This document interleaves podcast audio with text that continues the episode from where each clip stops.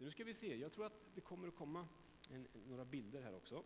Eh, jag kommer att läsa, och precis som när Daniel läste så får ni lyssna, det kommer inte upp någon text här. Vi snurrar runt i Apostlagärningarna den här hösten, några veckor till. Eh, en text som handlar om de tidiga kristna och hur Gud var trofast mot dem och hur Gud går med. Hur Gud söker efter varje människa. Och I Apostlagärningarna så vill jag idag läsa ifrån kapitel 13 och de tre första verserna. Så lyssna! Och jag tror vi ställer oss upp. Sträck på dig, öppna dina öron och ditt sinne så ska jag läsa en bibeltext som jag sen ska försöka utlägga.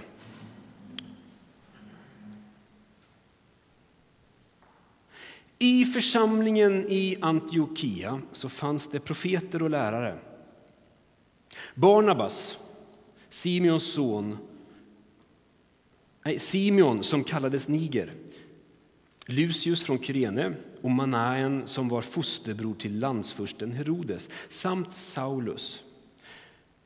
När de tjänade Herren och fastade så sa den helige Ande avskilj Barnabas och Saul åt mig för den uppgift som jag har kallat dem till. Då fastade de och bad och la händerna på dem och skickade sedan ut dem. Tack Gud för att du är mitt ibland oss.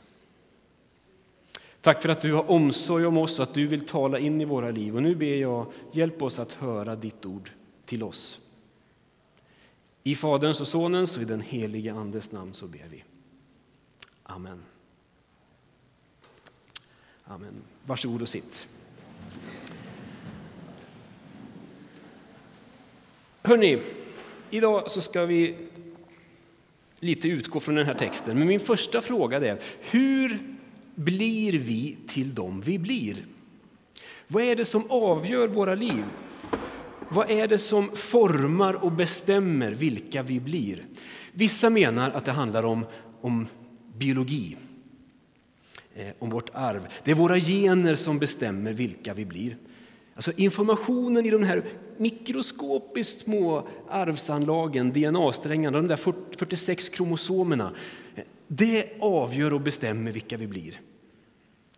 Och till viss del så ser jag det på våra två flickor, där den ena har en kromosomavvikelse där det fattas, det är inte mikrodeletion.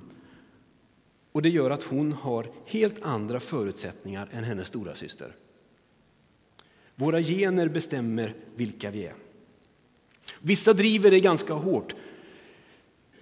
Andra invänder och säger nej, det är inte bara biologi, det handlar också om vår omgivning. Det handlar inte bara om vårt arv, det handlar också om vår miljö. Alltså, vår omgivning är en viktig faktor, en formativ faktor i våra liv. Människor som vi lever med, våra relationer, inte minst vår familj. Och jag har under årens lopp sett hur nära relationer kan trycka ner och punktera självkänsla och drömmar och få ljuset att slockna i människors ögon. Jag har också sett hur nära relationer kan få oss att växa och agera frimodigt. Miljön, omgivningen är viktig och har en anmärkningsvärd förmåga att antingen inspirera oss att ställa oss upp och utföra underverk eller att trycka ner och kväva drömmar och ambitioner. Miljön påverkar oss. Och som kristna, häng med nu, så tänker vi och så säger vi och bekänner vi att det finns ytterligare en faktor som formar oss och våra liv. Utöver arv och miljö så formas vi av Guds ord och Guds kallelse. Guds kallelse går utöver såväl biologiska som sociala begränsningar. Guds kallelse öppnar upp dörrar och visar på oanade möjligheter. Guds kallelse spränger det som kan tyckas vara ett ganska förutsägbart liv. Gud får oss att ta nya steg också utanför det som kan vara vår trygghetszon. Idag så skulle jag vilja tala med er om detta med kallelse. Eh, och en man som bars av en väldigt tydlig kallelsemedvetenhet, det är ju Paulus. Om någon snackar om kallelse tänker jag, ja, men Paulus har stor erfarenhet. Det här är någon slags antik graffiti från typ katakomberna i, i, i i Rom där någon har ritat in Petrus och Paulus. När vi läser Apostlagärningarna så är det ju Petrus som är den store ledaren i de första tolv kapitlen. Sen är det Paulus som liksom tar över. Och så får vi följa, och jag vet inte om hur, hur bild korrekt det där är. Men Paulus ändå, han är en centralperson i den andra halvan av Apostlagärningarna. Den halva som vi just läste inledningen till idag. Från kapitel 13 till 28 så får vi följa med Paulus på hans missionsresor. Paulus rör sig medvetet genom tillvaron. Han reser inte bara runt för nöjes skull. Han reser för att han upplever att Gud har kallat honom. Han vet vad han gör och varför han gör det han gör.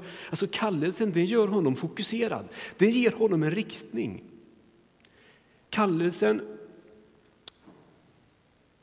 ger också en motivation i livet. Det ger en djup känsla av meningsfullhet i det som han står i. Det ger honom uthållighet. Han ger inte upp. Och jag undrar, vad har Paulus att säga till oss om detta med kallelse? Med Guds kallelse. Hur tänker Paulus om vad det innebär att vara kallad av Gud? Och de allra flesta av er som är här idag, ni vet att Bibeln det är ingen uppslagsbok där man kan liksom slå upp bokstaven K och hitta samlat om kallelse, utan det är en berättelse. Det är många olika genrer faktiskt i Bibeln. Så man får leta efter pusselbitar här och där. Någonting jag uppmärksammade för några år sedan är att om du läser inledningen till första Korintierbrevet, de första nio verserna, så kommer du att lägga märke till att i de här verserna så talar Paulus om kallelse i tre olika aspekter. Ordet kallad förekommer tre gånger. Tittar du på inledningen till Romarbrevet så kommer du hitta samma sak. Paulus talar om att han är kallad, eller vi är kallade, i tre olika aspekter. Så idag så vill jag ta dig med och ge en översiktlig bild av vad jag tror Paulus tänkte om detta att vara kallad av Gud. Det kommer inte att bli en detaljerad undersökning, mer en översikt. Så spänn på säkerhetsbältet och häng med. När Paulus talar om att vara kallad av Gud, då talar han framför allt om att Gud kallar oss till gemenskap. Så här säger han, Gud är trofast, han som har kallat er till gemenskap med sin son Jesus Kristus. Vad är det som Gud kallar oss till? Du behöver inte grubbla på det. Du behöver inte...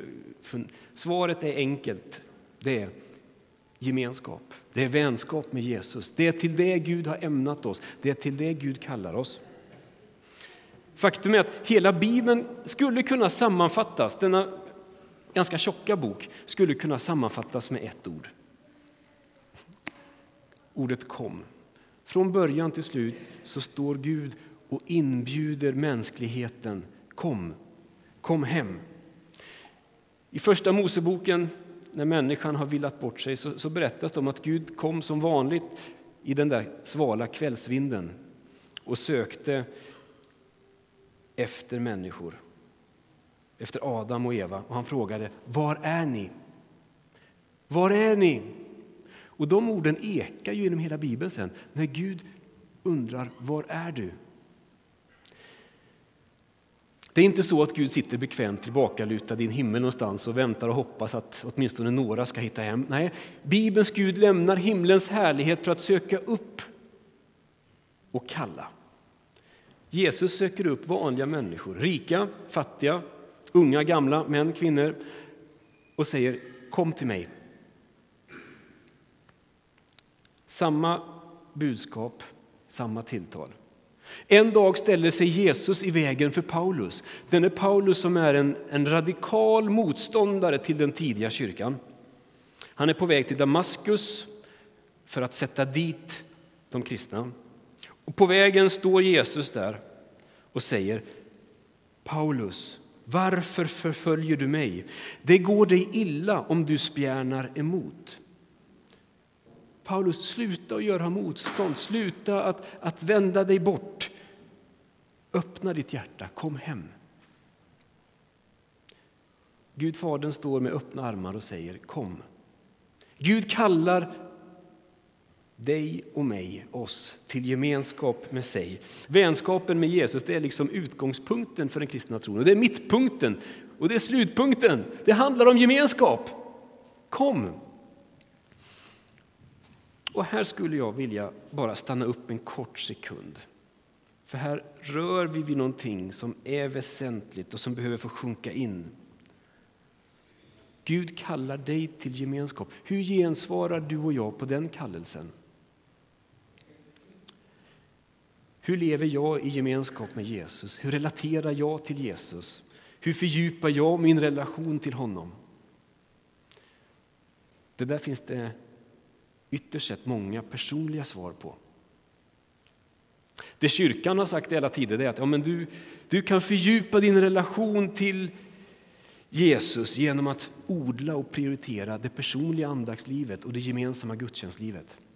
Det är i den enskilda bönen och bibelläsningen som relationen till Jesus också djupnar. Det är det gemensamma läsandet av bibeltexterna och bedjandet som du också fördjupar gemenskapen med Jesus Kristus.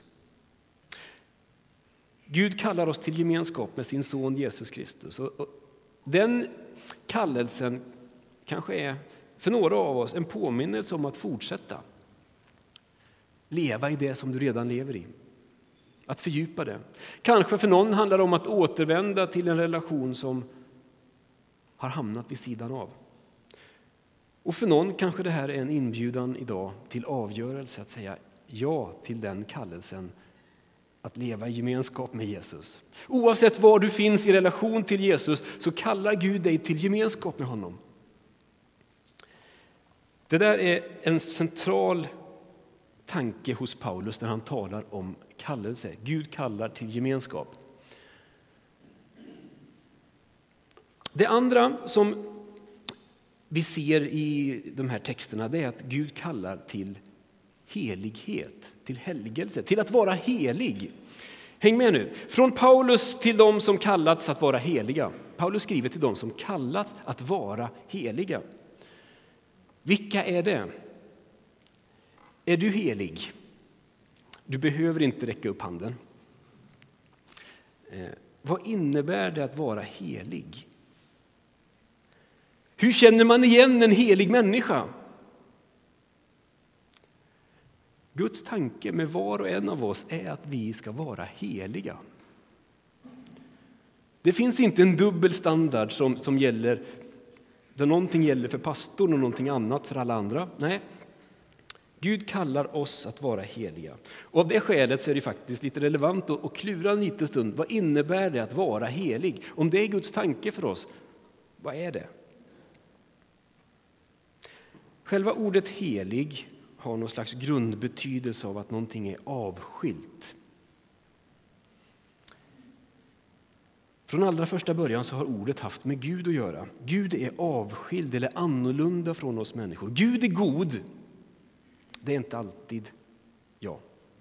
Gud är rättvis. Det är inte alltid jag. Gud är generös. Och så kan man fortsätta. Gud är annorlunda, han är avskild, han är ljus. Inget mörker finns i honom. Så att, vara, att Gud är helig det är ett slags samlingsbegrepp för allt det där annorlunda som Gud är och som kännetecknar honom. Och Guds tanke från allra första början det var att Guds folk skulle vara lika honom. Gång på gång så återkommer orden i Moseböckerna om att ni ska vara heliga, ty jag, Herren er Gud, är helig. Guds folk kallas att vara så som Gud, att vara lika honom. Människan är vad då? Skapad till Guds avbild. Det är så det börjar i Bibeln, när vi läser att Gud skapade människan till sin avbild. Till Guds avbild skapade han henne, som man och kvinna skapade han dem. Eh, till Guds avbild Texten skrevs ju på hebreiska. Ordet för avbild är tselem.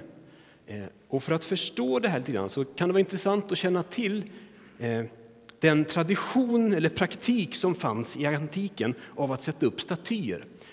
Härskare och regenter hade för vana att placera upp statyer av sig själva.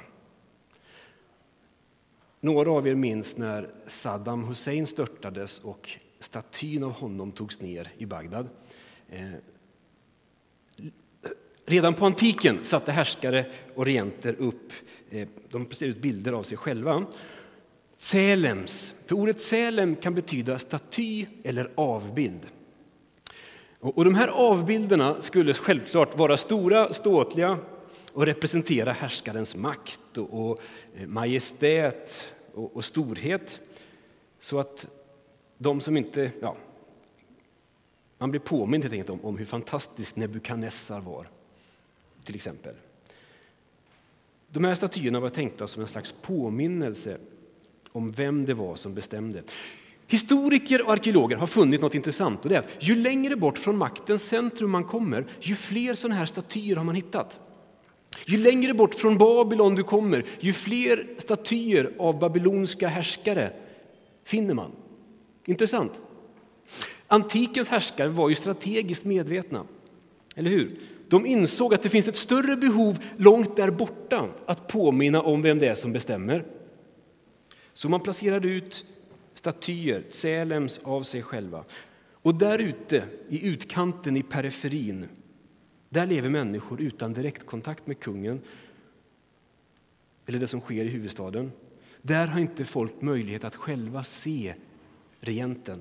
Och jag tror att du börjar ana vad det här är på väg, eller hur? Det är mot den här bakgrunden som vi ska läsa bibelordet om att vi är skapade till Guds avbild. Himmelens och jordens skapare och Herre, den helige och osynlige, placerar inte ut statyer av lera och sten utan han skapar människan till sin Sälen, till sin avbild. Att vara människa är att leva med uppdraget är att påminna om vem den osynlige guden är. Om Guds godhet, om rättvisa, generositet, barmhärtighet i en värld som har gått ganska galet fel. Att vara människa är att leva med uppdraget att i ord och handling påminna omgivningen om vem Gud är och gestalta vem han är. Niklas Pienso, som är, ja hoppsan, nu har det hänt igen, eh, som är pastor i Pingkyrkan i Stockholm. Vi bläddrar, det sköter jag förresten. Eh,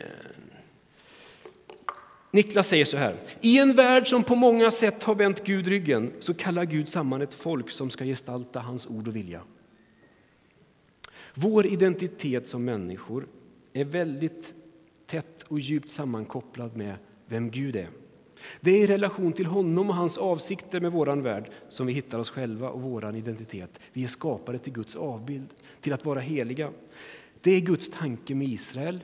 Det är Guds kallelse med varje kristen. Vi är kallade till helighet. Vad betyder det? Det här skulle vi kunna prata länge och mycket. Gud vill dra oss in i sin helighet och sin härlighet. Han vill hjälpa oss att lyfta blicken och se dem vi har omkring oss. Han kallar oss att bry oss om varandra, att uttrycka omtanke och omsorg, påminna varandra om vem Gud är. Vi är kallade att förmedla Guds välsignelse, Guds kärlek, hopp och tro.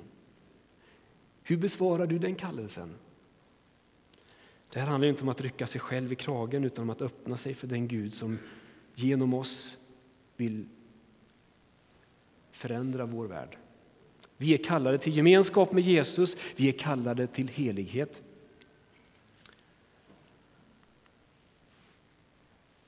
Och så säger Paulus också att vi är kallade till tjänst. Han skriver från Paulus, genom Guds vilja kallad att vara Jesu Kristi apostel. Paulus ser sig själv som kallad till att vara apostel. Gud kallar oss till specifika uppgifter. Det finns olika tjänster som Gud på olika sätt kallar oss till. Det handlar om något att göra. Och Paulus han är väldigt medveten om vad han är kallad till. Jag är kallad till att vara apostel. Han vet vad han gör, han vet varför. Eh, nu ska vi se om det är samma sak här. Nej, här är rätt formaterat. Mitt uppdrag, säger han, så här ser han på det, det är att ge hedningarna, vadå? Budskapet om den outgrundliga rikedom som finns i Kristus. Det är mitt uppdrag. Och att upplysa alla om planen med den hemlighet som från världens början varit dold hos Gud, som har skapat alla. Paulus har en tydlig förståelse av vad det är som är hans uppgift. Och Bibeln är glasklar med att det inte bara är några få som är kallade, utan alla. Alla har en uppgift, varje människa har ett uppdrag, något att bidra med som just jag, som just du är ämnad för. Paulus skriver i Efesierbrevet att vi är hans verk, skapade genom Kristus Jesus till att göra de goda gärningar som Gud från början har bestämt oss till. Gud har en tanke med varje människa. Vi är pusselbitar i detta stora pussel där det finns en plats där bara du passar in. De goda gärningarna som Gud har tänkt att vi ska göra är olika. Det går inte att bara göra som alla andra. Det gäller att upptäcka och ställa sig frågan, vem är jag? Och vad har Gud tänkt om just mig? Gud har kallat dig till tjänst. Och om Gud nu har en mening och en tanke, inte bara med sitt folk i allmänhet utan med oss som enskilda, så finns det naturligtvis få saker som blir viktigare än att ge sig ut på den här upptäcktsfärden. Gud, hur kan jag medverka i din stora mission? Vad är min plats? Och där finns vi. Och De goda nyheterna är att Gud själv gång på gång i Bibeln säger att han vill leda. Vi läser i Saltaren att han vill ge insikt och lära oss om den väg som vi ska gå.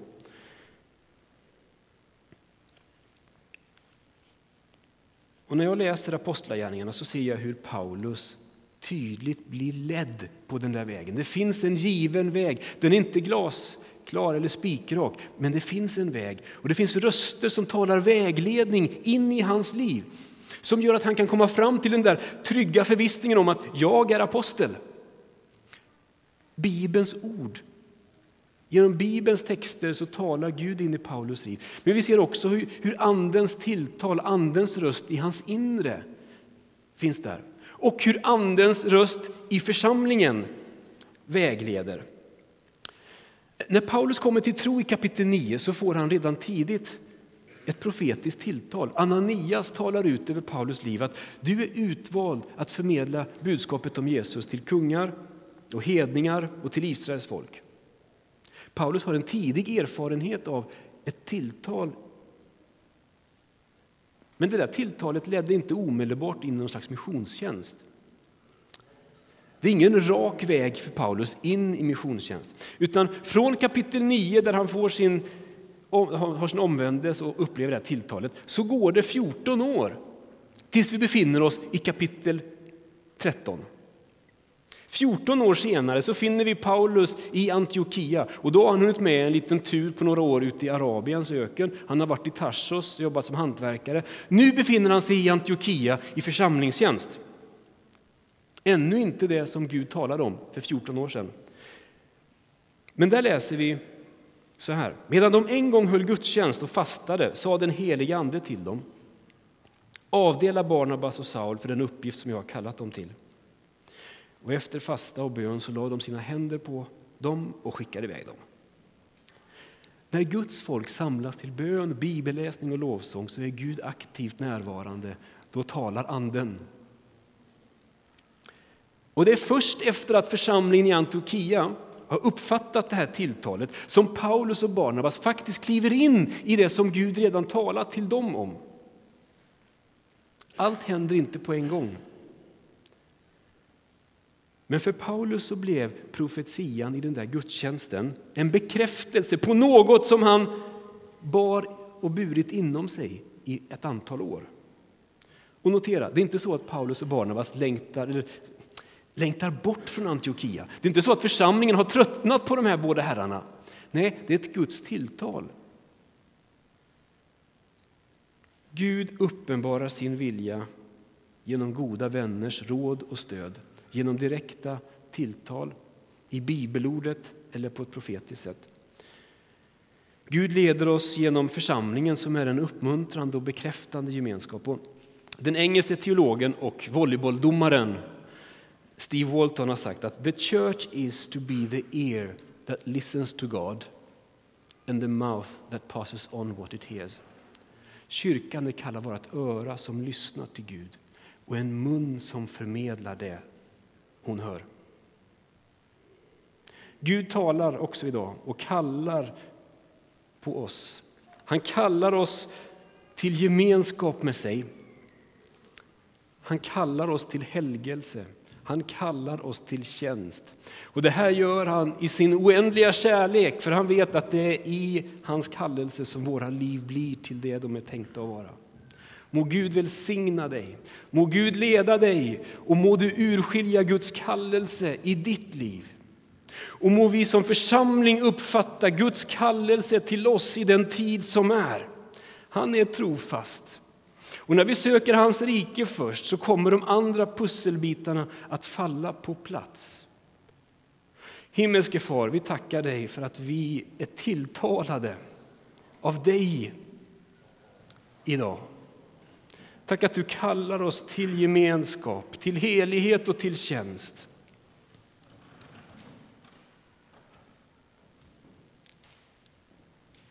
Kom heligande viska Guds ord.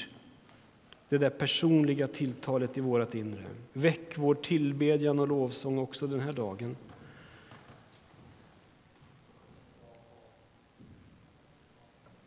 Tack att du är god, tack att inget mörker finns hos dig. Kom också helige Ande och stärk oss så att vi vågar gensvara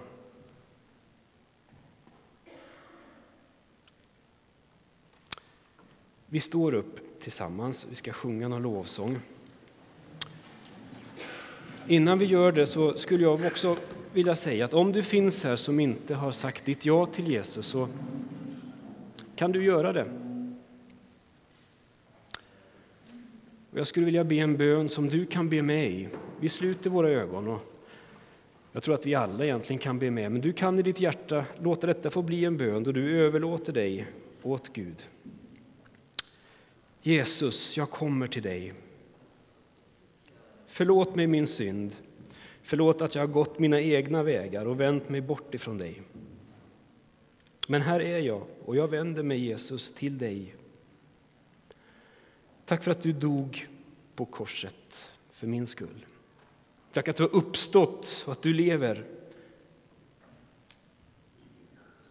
Nu vänder vi oss och nu vänder jag mig till dig. Och jag ber, kom in i mitt liv. Kom heligande. Kom Gud med förlåtelse, med frid, med frihet. Amen. Amen.